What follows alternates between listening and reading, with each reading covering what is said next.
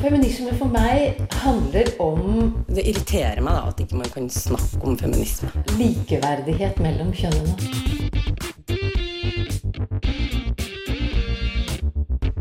Det blikket på kvinnen på film. handlet om å bli tatt på alvor som jente.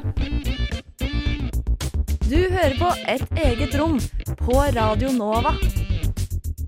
I 2017, altså 100 år etter det første samiske landsmøtet ble arrangert, så vedtok det norske storting å etablere en sannhetskommisjon som skal granske forskning og urett begått mot den samiske befolkninga.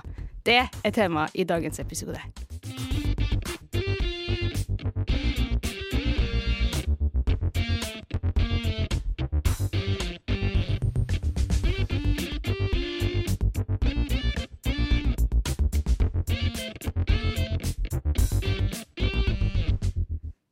Ja, det er mandag, og klokka er ti, og det er et eget rom. Jeg heter Anne Marie Sundet, og i dag så har vi med oss en eh, vikar her. Har du lyst til å presentere deg sjøl, eller? Ja, mitt navn er Martin Mathias Nøding. Eh, Jeg er da nyhetsredaktør i Radio Nova. Og det er jo veldig hyggelig at jeg også får lov til å være med inn på rommet, da. Ja, sant. Nei, men altså, vi snakka litt om det, at jeg tror kanskje du er den første gutten som eh, er med som eh, programansvarlig i et eget rom. Altså, det er jo veldig kult, da. Ja, jeg er veldig takknemlig, da. En, en ære, vil jeg si. Så det er jo veldig gøy, da. Ja, jeg tror det her går stru supert. Det ble strålende og supert på en gang. Det er morsomt. Strålende og supert er alltid bra. Ja. Men eh, temaet i dag er jo samisk kvinnekamp, Mm. sånn eh, overordna. Har du noe forhold til det temaet, eller? Det var faktisk det jeg ikke hadde i det hele tatt. Vi snakket jo litt om det over helga. Eh, Det er jo noe som man kanskje ikke tenker så mye på, da, men det er jo noe som foregår og har foregått veldig lenge. Så jeg tror eh, det er veldig bra at, vi har, at dere har et program om det, da. For jeg har i hvert fall lært ganske mye allerede. Så veldig stilig. Ja, altså, jeg tror det starta litt forrige uke, faktisk. For da hadde vi jo en sending om eh, avkolonisering av akademia. Og da kom vi jo inn på det med den samiske befolkning, og at det kanskje er et behov for avkolonisering av kunnskap om dem òg, da. Og så var det litt sånn Man satt der og leste, og så kom man skikkelig til en sånn Oh my, jeg kan ingenting! Mm. Det eneste man kan Man har hørt om Kautokeino-opprøret, og man vet at det er kofte involvert, og, og rein er viktig, på en måte. Og så tenkte jeg sånn Det her blir for dumt. Da må vi kjøre sending om det.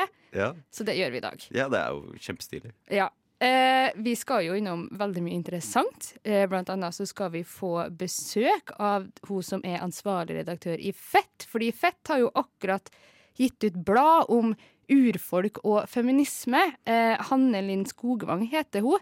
Så vi skal gå og hente hun inn i studio, og mens vi gjør det, så skal du få høre litt samisk musikk. Eh, Isak er en gruppe, og de har laga en sang som heter Ele, som er opprinnelig av Mari Boine. Den hører vi på nå.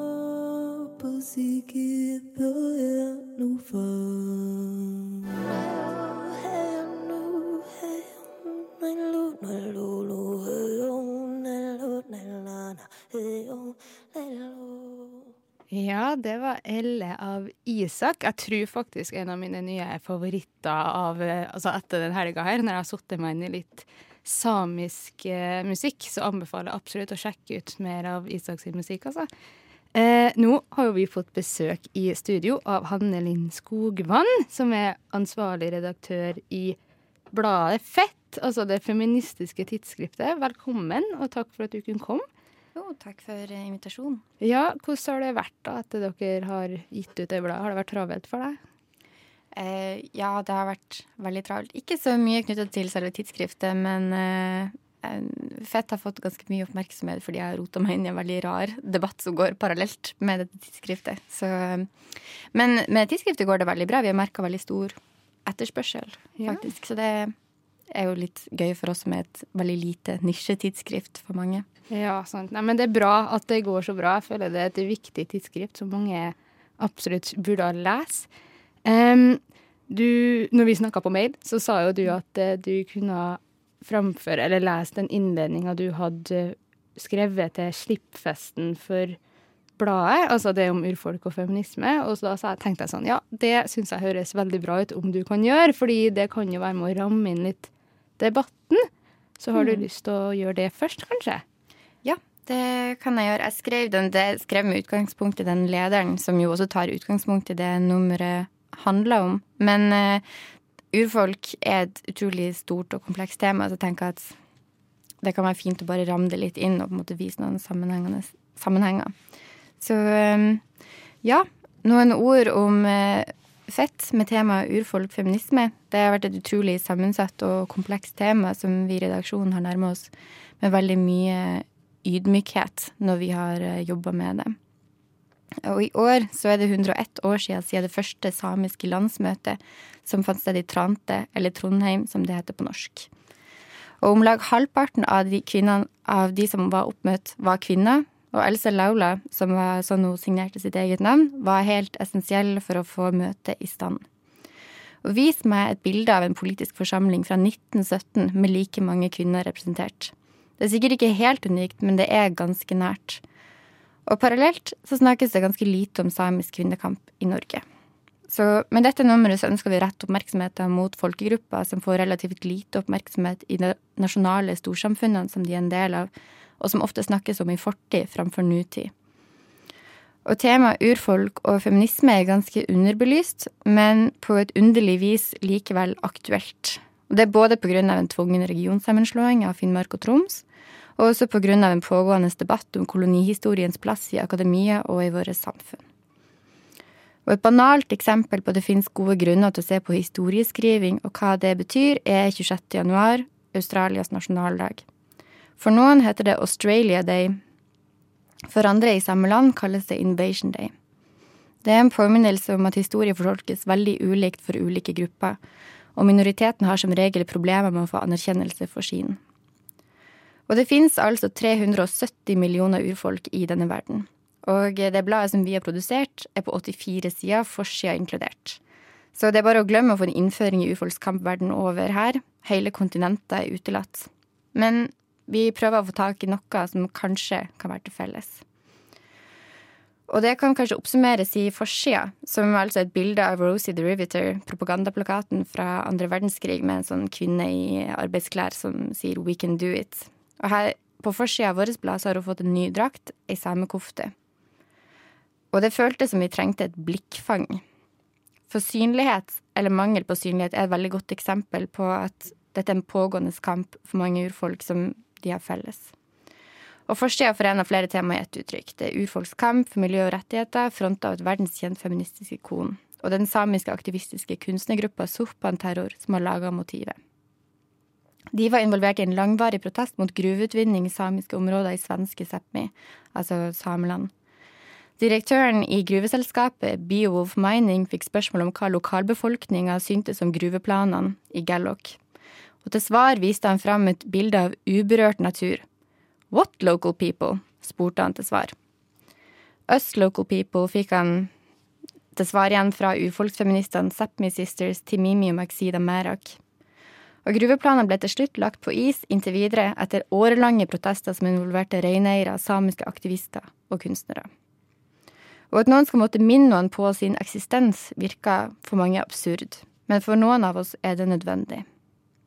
På NRK Sápmi så leste jeg litt, for litt siden om ei gruppe reindriftssamer som i år erklærte sjølbestemmelse og bannlyste gruvedrift på norsk og svensk side av Saltfjellet i Nordland.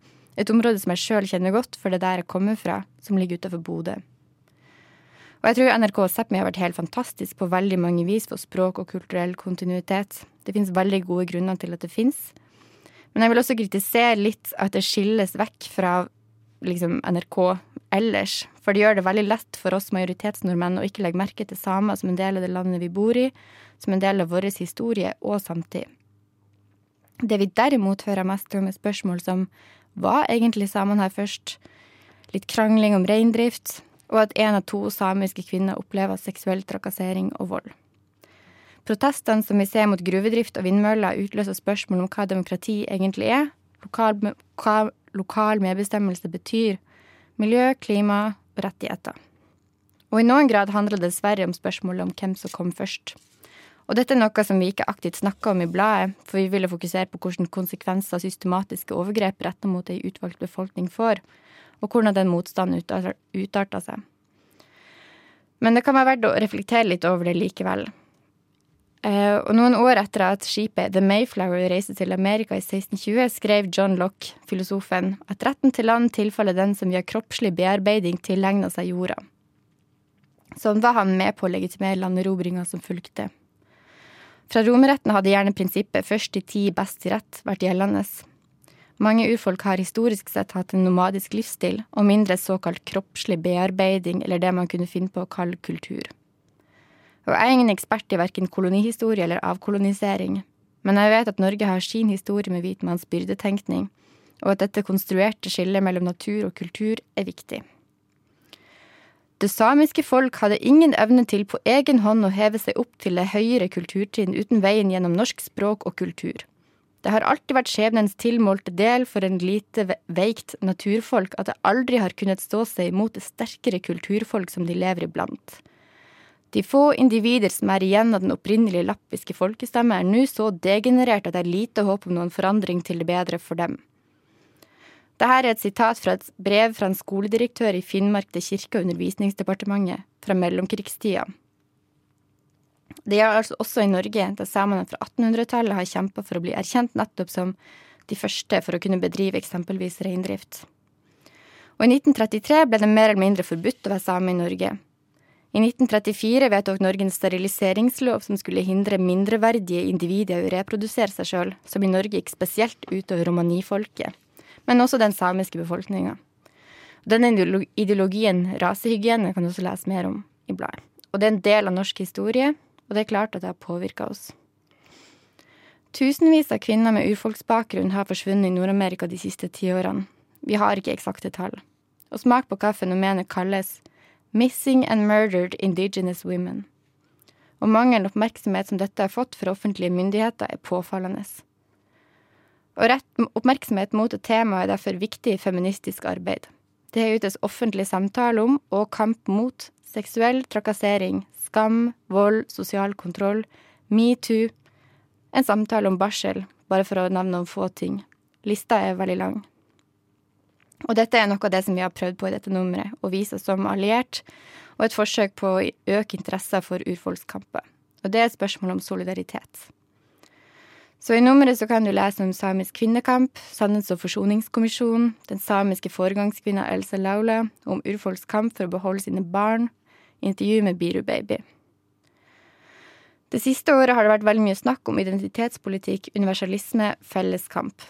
Personlig tror jeg det er vanskelig å bygge fellesskap dersom man ikke erkjenner hvordan historier påvirker enkelte folkegrupper til et punkt som det er vanskelig å forstå for en som kommer utenfra. Urfolksfeminismen tar utgangspunkt i urfolkskvinners levde liv, fokuserer på kolonialisme, rasisme, sexisme retta mot henne fra majoritetsbefolkninga. Og I tillegg behandler urfolksfeminismen også maktmisbruk innenfor egne organisasjoner, samfunn og familier. Disse kampene er stadig aktuelle, de er en del av det landet vi bor i sin historie, og de angår oss alle. I et intervju i bladet sier Hanna i Biru Baby at de i arbeidet med deres siste album kom ut som samer. Det vitner om at dette er en kamp som på ingen måte ligger bak oss. Tusen takk. Det var veldig fint. Det var veldig mange Veldig bra. Ja. Veldig mange gode poeng du tok opp. Jeg tror vi er nødt til å snakke mer om flere av dem. Men uh, før vi gjør det, så skal vi få høre en liten sang til. Så da blir det She Drew The Gun med Resister. Pose the floor, take the road. They're only asking for your body and Ja, det var She Drew The Gun med Resister, band fra Liverpool. Ganske kul sang, syns jeg. altså. Veldig stilig. Ja, sant? Det er veldig sånn oppmuntrende, nesten. På en sånn ja, rock som er oppmuntrende, er alltid veldig fint. Eh, vi har fortsatt besøk av Hanne Ling Skogvang fra Fett. Og vi hørte jo akkurat en veldig fin innledning som du holdt på Slippfesten eh, til det nye bladet som er da om urfolk og feminisme.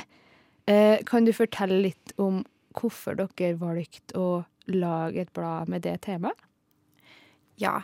Altså, grunnen til det Egentlig så er det noen sånn pågående dårlig samvittighet, for dette er noe vi har snakka lenge om i redaksjonen. Nå er jeg ganske fersk som ansvarlig redaktør, men jeg har vært med i redaksjonen lengre.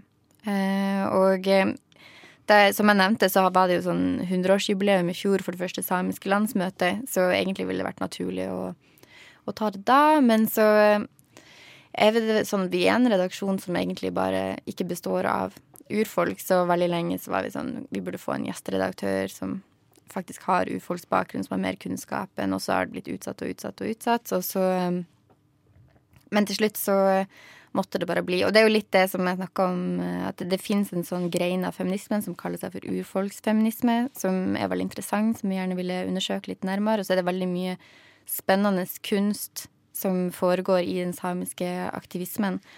Så um, det er definitivt masse, masse å ta tak i. Det var bare spørsmål om å komme i gang med det.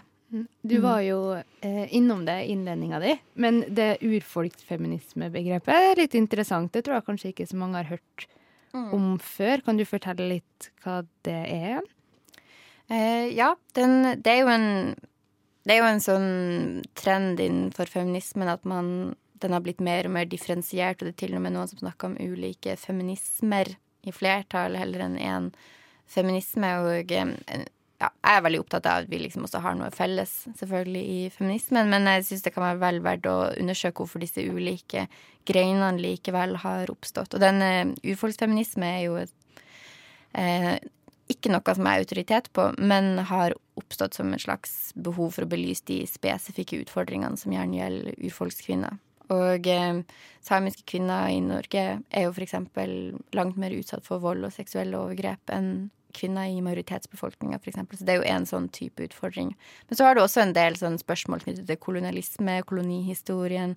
Eh, det er jo mange eh, samiske aktivister som mener at det, er er noe som pågår fortsatt i Norge. Og det er jo også en del av den feministiske kampen for land, vann, rettigheter, som på en måte vi feminister, feminister, som bor her i Oslo, ikke snakka så mye om.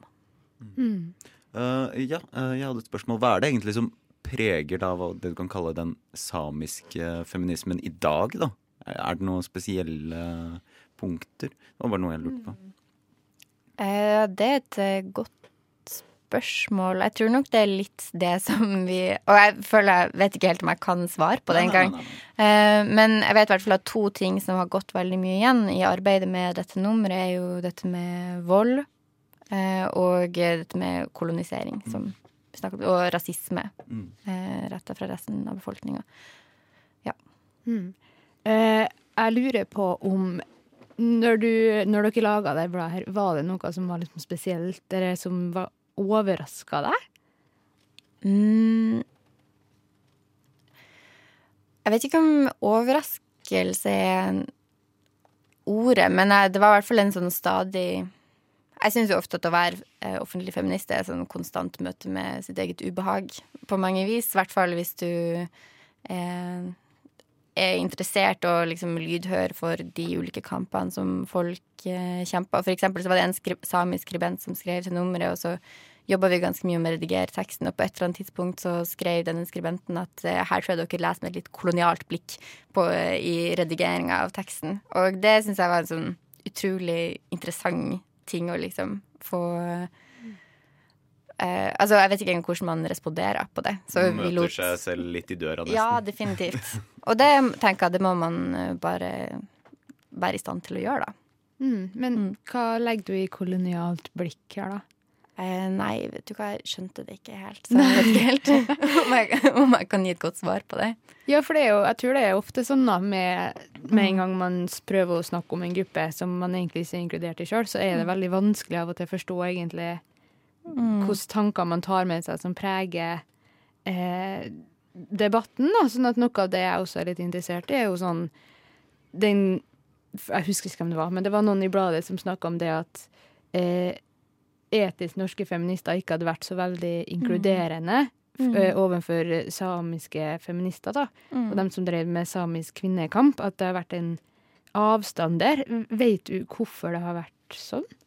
Jeg tror nok det flere årsaker. Jeg tror geografisk avstand er en sånn veldig naturlig grunn til at sånt oppstår. Og så er det også at Jeg vet ikke om jeg, jeg har lyst til å bruke ordet berøringsangst eller noe sånt, men det er jo gjerne en sånn følelse av at hvis det er en gruppe som gjerne blir mye stigmatisert, så er det også vanskelig å utenfra liksom komme inn og komme en pekefinger og si at nå må vi ta tak i den utfordringa. Eh, og så er det også det at de første feministiske samiske gruppene oppsto mot andre halvdel av 80-tallet. Så på en måte at det ble en sånn egen uttalt grein, sånn som jeg har forstått det, i hvert fall kom liksom litt seinere. Og den har også tatt tak i flere ting enn den norske majoritetsfeminismen også har gjort. F.eks. dette med land og vann, som har vært en utrolig viktig del av den samiske kampen generelt. Og det er liksom Det er gjerne der det begynner, da. Mm. Men hvordan kan vi da, på en måte, vi som sitter her da, eksempel i dag, eh, hvordan kan vi støtte opp om og hjelpe den samiske kvinnekampen, selv om vi ikke er en del av den gruppa sjøl? Eh, hvert fall, Jeg intervjua ei som heter Berit Louise Utsi, som var med å starte den samiske kvinneorganisasjonen Saraka, som er en sånn samisk gudinne eh, innenfor tradisjonell mytologi. Og eh, hun snakka mye om dette med at man må snakke tabuer i hjel og sånn, og man må på en måte skaffe kunnskap og det. Og det tror jeg hun har mye rett i. Det handler bare om å bli mer bevisst til noen grad også. Så det er klart at eh, veldig mange samiske aktivister kjemper i sånn pågående kamper som skjer her og nå, så jeg tror bare det å vise interesse sånn Alta-aksjonen eksempel på 70-tallet, så var det jo masse nordmenn som reiste til Alta og deltok i protestene der. Så hvis man er veldig engasjert i samiske kamper, så tror jeg at løsninga er å vise interesse, snakke med dem det berør, og høre hva de ønsker seg. Mm. Det er kanskje et spørsmål som burde ha kommet tidligere i den samtalen her, men det er jo sånn i dag at eh, samer har for det meste de formelle rettighetene på plass. Altså, de har Sametinget, det er grunnlovfesta at altså, de er anerkjent som urfolk, og derfor har de en del rettigheter knytta til det. Men likevel så opplever de jo eh, undertrykking. Har du noen tanker om hvorfor det er sånn? Altså, man skulle jo tro at hvis det papiret er vedtatt, så er det, er det bra, på en måte. Eh, Jeg tror jeg igjen bare skal referere til noen intervjuobjekter som snakka i, i bladet, i hvert fall. Og det, det er faktisk ikke med i bladet, men vi har et intervju som kommer på nett med Marit Annesara, som er hun som hadde denne utstillinga foran rein, eh, Stortinget i fjor med sånn 400 reinsdyrskaller som, eh, foran Stortinget. Og det er sånn eh, Pilo Sápmi heter det, som hun reiser rundt med. Og hun sier i hvert fall Og dette tror jeg er en sånn pågående diskusjon, så igjen så bare refererer jeg til det hun har sagt, da. Men hun mener jo at ved å på en måte bruke disse institusjonene som, som Så har man på en måte outsourca makta til institusjonen som i realiteten har ganske lite makt. da. Dersom det kommer et spørsmål om skal vi ha gruveutvinning her, eller skal vi ikke, skal vi bygge disse vindmøllene midt, midt i reinsdyrdistrikta, eller ikke, så vil på en måte så vil det ikke gå i samers favør uansett. Så det at Sametinget og disse offentlige institusjonene finnes, er på en måte bare en sånn måte å legitimere overgrep på. Veldig sånn kort og enkelt, eh, forenkla sagt, da. Det er veldig Så- interessant. Ja, og eh, jeg har bare så vidt skumma det intervjuet, så jeg skal passe meg veldig for å legge ord i munnen på henne også. Så det blir litt sånn eh, Ja, dere har det, så hvorfor, hva mer trenger dere? Er det, er det sånn riktig å tolke det? ja, jeg tror det. Ja. Jeg oppfatter det sånn. Eh, vi må nesten begynne å runde av eh, for den delen her, men har du noen siste tanker? Oh. Em, jeg tror igjen dette med synlighet i hvert fall er et sånn gjennomgående tema. Det er liksom Jeg, jeg syns det er også vanskelig å liksom Feminister er på en måte sånn, Norske offentlige feminister, feminister og feministorganisasjoner er gjerne underfinansiert, de har kjempelite penger, det er utrolig mye frivillig arbeid, så jeg syns også det er vanskelig å liksom kreve at man skal gå rundt og interessere seg for absolutt alt mulig hele tida. Men jeg tror at eh, jeg tror at dette er et tema som det er vel verdt å utforske nærmere, i hvert fall. Jeg syns at uh, vi burde jobbe mer aktivt med det. Og jeg har i hvert fall ikke tenkt å legge dette fra meg og bak meg nå eh, når jeg går videre med fett framover. Eh, Hanne Skogvang, tusen takk for at du kunne komme på besøk til oss i dag. Eh, du, Takk selv. du skal selvfølgelig få med litt musikk på veien. Eh, Sofia Janok er fra Sverige, fra Sápmi. Hun har vært nominert til Grammy to ganger, og hun har laga en låt som heter This Is My Land, så den skal vi få med oss nå. This is my land. This is my country. I've always been here. Welcome to my hood. Ja, det var Sofia Janok med This Is My Land. Nok en sang som jeg har fått litt sansen for de siste dagene, må jeg si. altså. Vi må nesten bare fortsette videre i planene våre. Eh, så vi skal høre om en veldig interessant dame som heter Ausa Lalla. Hun var jo nevnt av Hanna her i sted òg. Hun eh, var dama som samla Sameriket til ett. Ganske revolusjonerende, egentlig. Ja, hun var det, altså. Var med på alle de store første tingene, skulle jeg si. Så eh, Nintu i redaksjonen vår hun har laga et innslag om denne kule dama.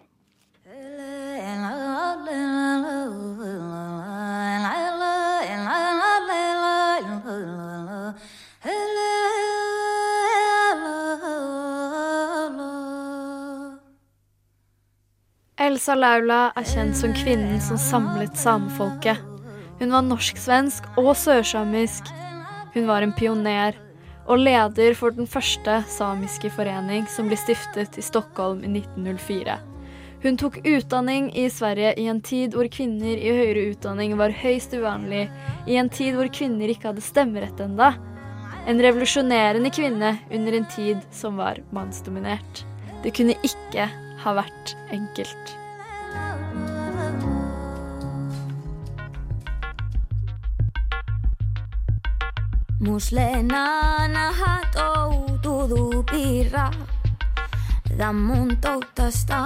Ikehähva I 1917 ble det for første gang i historien holdt et riksgrenseoverskridende samepolitisk møte. Det ble holdt i Tronte, eller på norsk Trondheim. Hun fikk gjennomslag for sin kampsak, og hennes kampsak var å samle det samiske folk uansett landegrenser. Og arrangementskomiteen besto bare av kvinner med Elsa i fronten. Hun har tatt opp temaer som land, vann og skolegang. Hun har holdt foredrag i nord- og sørsamiske områder, og kjempet for deres reindriftsnæring, men også den samiske kultur. Elsa Laula er en viktig kvinne for samisk og norsk historie. Men hvorfor har vi ikke hørt mer om Elsa Laula?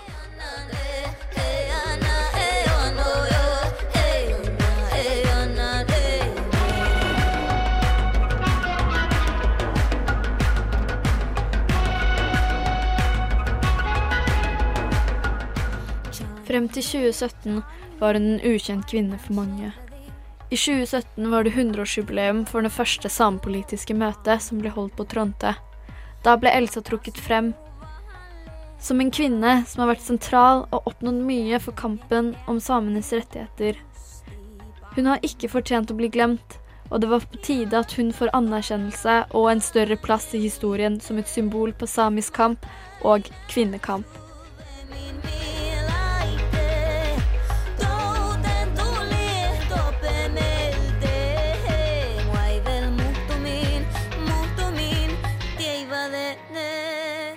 Ja, det var Nintu Paramalingam, og her får du oss som bare drar av blomst.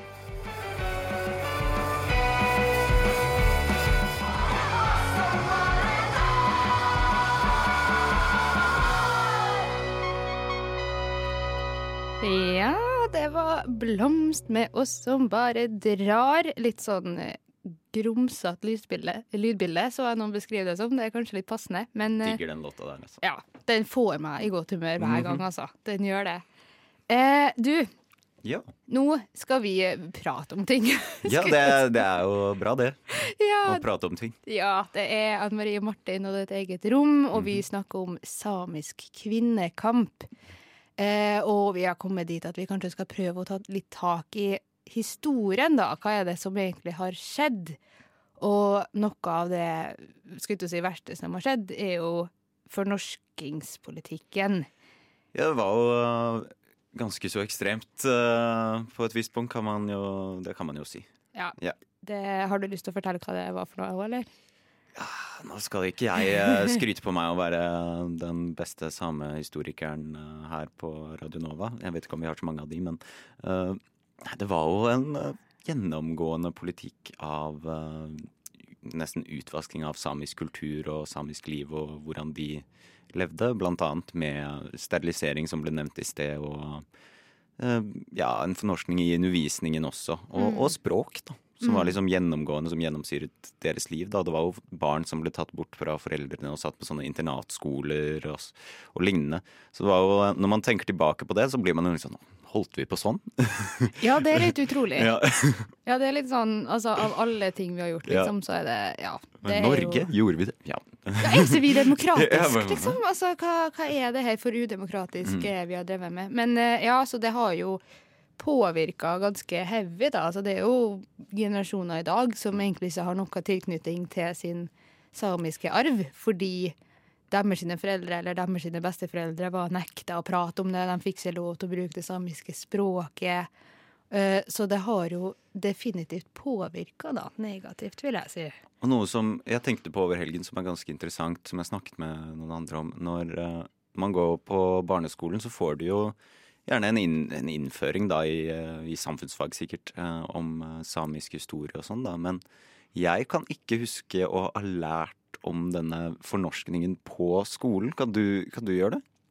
Jeg husker veldig lite, helt ærlig. Og det i seg sjøl er jo et stort problem, Ja. da. Men jeg tror liksom det vi lærte, var sånn Samer går i kofte, ja, ja, ja. de driver med rein, de bor i nord, men det bor også samer i Oslo.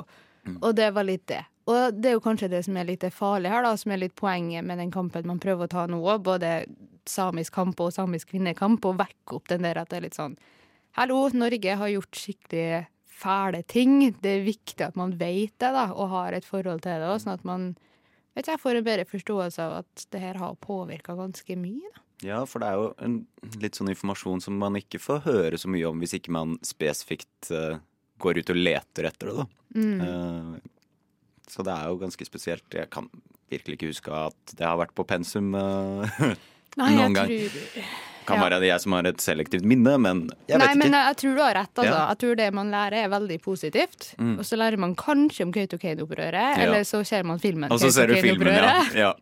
Og det er på en måte det. Mm. Eh, og så er det jo noe annet som jeg syns er litt interessant, da, med den derre um, tvangsfornorskinga, skulle jeg si. At man prøver jo å fortelle folk, da, spesielt barn i skolen under den tida, at nei, du kan ikke være den du er, men det er jo helt bortkasta, fordi man er jo den man er uansett. Uansett. Ja.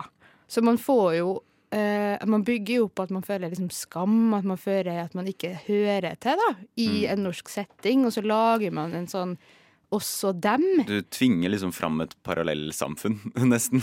Ja, at det går ikke annet å være same i det moderne norske Ja. samfunnet, på en måte. At du må velge, da. At du må kaste fra det ene for å kunne være det andre. Altså, Nå skal jo vi være forsiktige med å prate på vegne av samer, Selvfølgelig. men det inntrykket jeg har fått, i hvert fall, er at det her har satt et ganske heavy spor, Mm. også i uh, generasjonene som lever nå.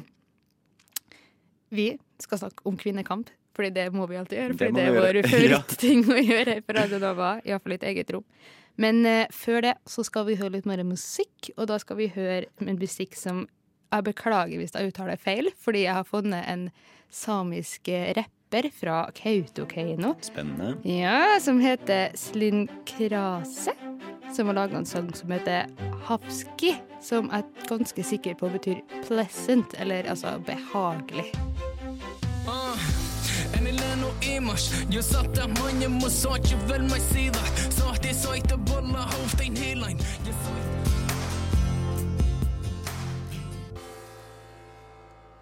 Ja, Slinkrase med Hafski. En sang som har eh, vokst på meg, vil jeg si. Anbefaler å sjekke ut resten av sangene hans. Veldig mange av dem handler om vanskeligheten med å være samisk i Norge i dag, så det er absolutt kult. Ja, får skikkelig utvidet musikkhorisonten her i dag, jeg. Ja, sant? Det er skikkelig gøy. Jeg satt i halve går og bare var sånn Samisk musikk, yes! Hvorfor har jeg ikke satt meg i før, liksom? Det er jo kjempegøy. Um, det er noen ting da som ikke har vært innom ennå, som har med samisk kvinnekamp å gjøre, eh, som vi bare må få sagt. Mhm. Fordi det er noen ting som er, er veldig knytta til det vi allerede har snakka om, om fornorsking og sånn samisk kamp generelt, og så er det noen ting som er mer spesifikt til kvinner, som jeg føler er viktig å få sagt. da. Fordi at eh, noe av det som har prega den samiske kvinnekampen, er blant annet at de har i stor grad kjempa for å beholde rettigheter som de egentlig hadde før.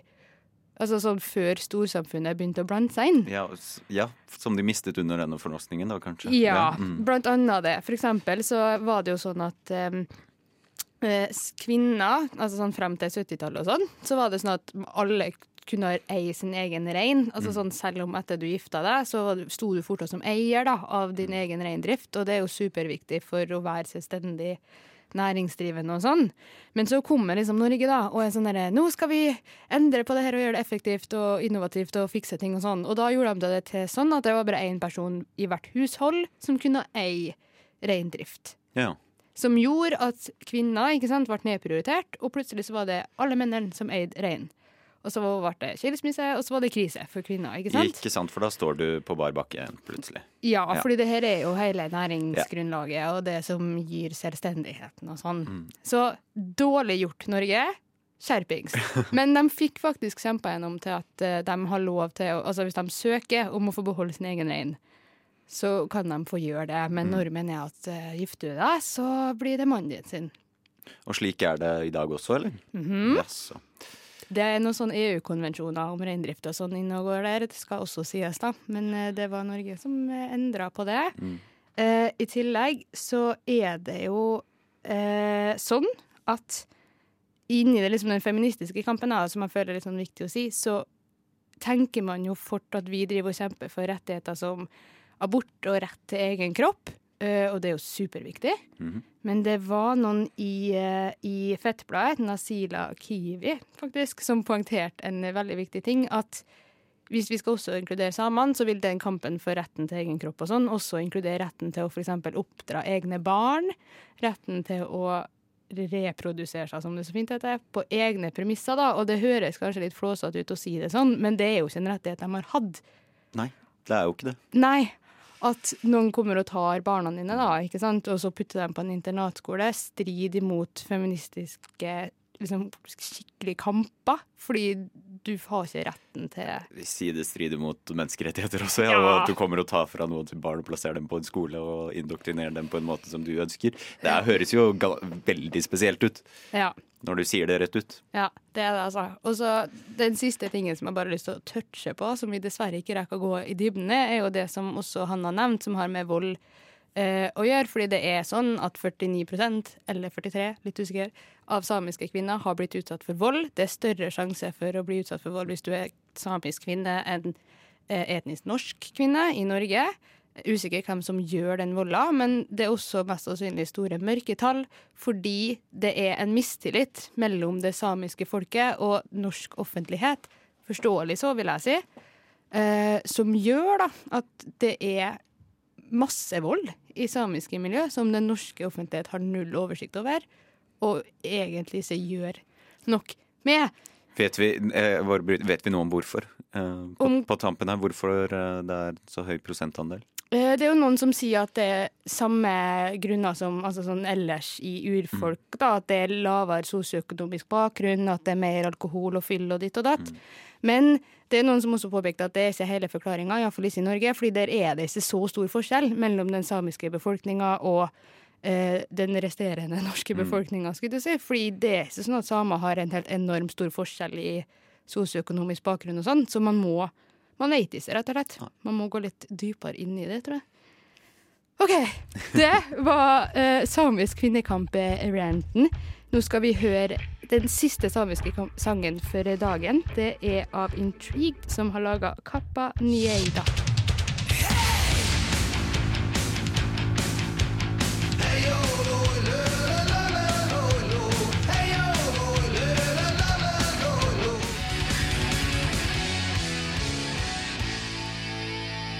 Ja, det var Kappa Nieida mm, eh, av Intrigued, et band som ble starta i 1989, og kjent for å starte heavy joik-sjangeren. Så vet dere det er veldig interessant. Heavy joik. Heavy joik. Kanskje ikke den mest heavy låta vi har hørt nå, men heavy joik. Anywho. Martin, Ja. hva har du lært i dag? Jeg har lært veldig mye, faktisk. Ja. eh, fra å vite svært lite til å fått mye å tenke på, i hvert fall. Ja. Ja. Ja, altså det er jo Jeg tror kanskje noe av det som har slått meg mest, er hvor ekstremt lite jeg kunne fra før av.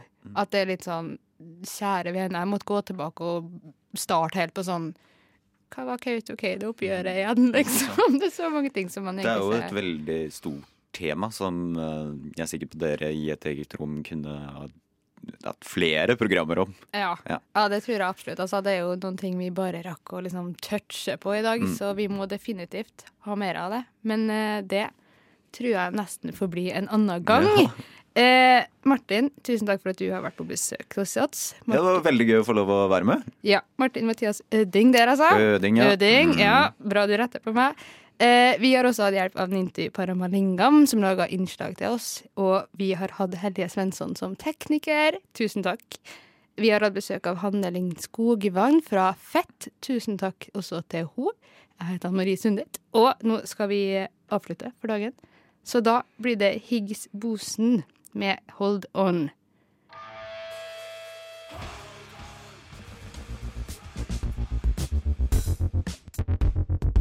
Du har hørt en podkast fra et eget rom på Radio Nova. Vil du høre mer? Sjekk ut et eget rom på Facebook, Instagram eller radionova.no.